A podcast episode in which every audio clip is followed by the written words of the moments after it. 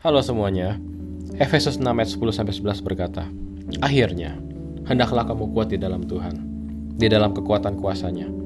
Kenakanlah seluruh perlengkapan senjata Allah supaya kamu dapat bertahan melawan tipu muslihat iblis." Kalau kita bicara kekuatan, kita bicara kuasa Tuhan Yesus, biasanya identik dengan hal-hal yang kita rasa spektakuler ya.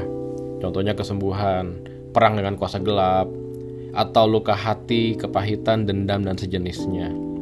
Namun sadarkah kita bahwa kekuatan dari Tuhan Yesus bukan hanya bekerja di saat kita mengalami badai persoalan dan pergumulan hidup, namun juga untuk menghadapi godaan hawa nafsu. Ingat bahwa tipu muslihat iblis nggak cuma bicara hal-hal yang spektakuler itu tadi, tapi hal-hal yang sehari-hari yang kita alami, dosa sehari-hari yang biasa saya sebut dengan dosa favorit. Banyak yang minta tolong saat sakit fisik, khususnya sakit-sakit yang parah menurut kita banyak yang minta tolong saat berurusan dengan hal-hal yang supernatural. Dan well, kita percaya kuasa Tuhan Yesus sanggup mengalahkan semuanya, sanggup memulihkan hidup kita. Namun ketika kita diganggu dengan hal yang sifatnya sehari-hari, pornografi, rokok, kebiasaan buruk lainnya, apakah kita juga ingat dan mengandalkan kuasa Tuhan Yesus? 1 Korintus 10:13 berkata pencobaan-pencobaan yang kamu alami ialah pencobaan-pencobaan biasa. Garis bawahi biasa. yang tidak melebihi kekuatan manusia. Sebab Allah setia, garis bawahi Allah setia, dan karena itu ia tidak akan membiarkan kamu dicobai melampaui kekuatanmu.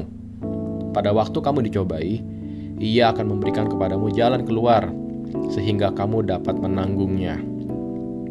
Ayat ini bukan menganggap remeh pencobaan kita, tapi justru menguatkan, menyadarkan kita bahwa yang terjadi yang selama ini kita anggap berat, yang berkali-kali kita kalah, itu sebetulnya pencobaan-pencobaan biasa. Again, pencobaan gak cuma bicara tentang hal-hal yang besar, yang spektakuler itu. Sekali lagi, pencobaan juga bicara tentang hal-hal yang terjadi dalam keseharian kita. Jadi nggak ada yang nggak bisa kita hadapi, teman-teman. Karena apa? Karena Tuhan Yesus setia. Dia pasti menguatkan, dan bukan hanya menguatkan, namun mengingatkan.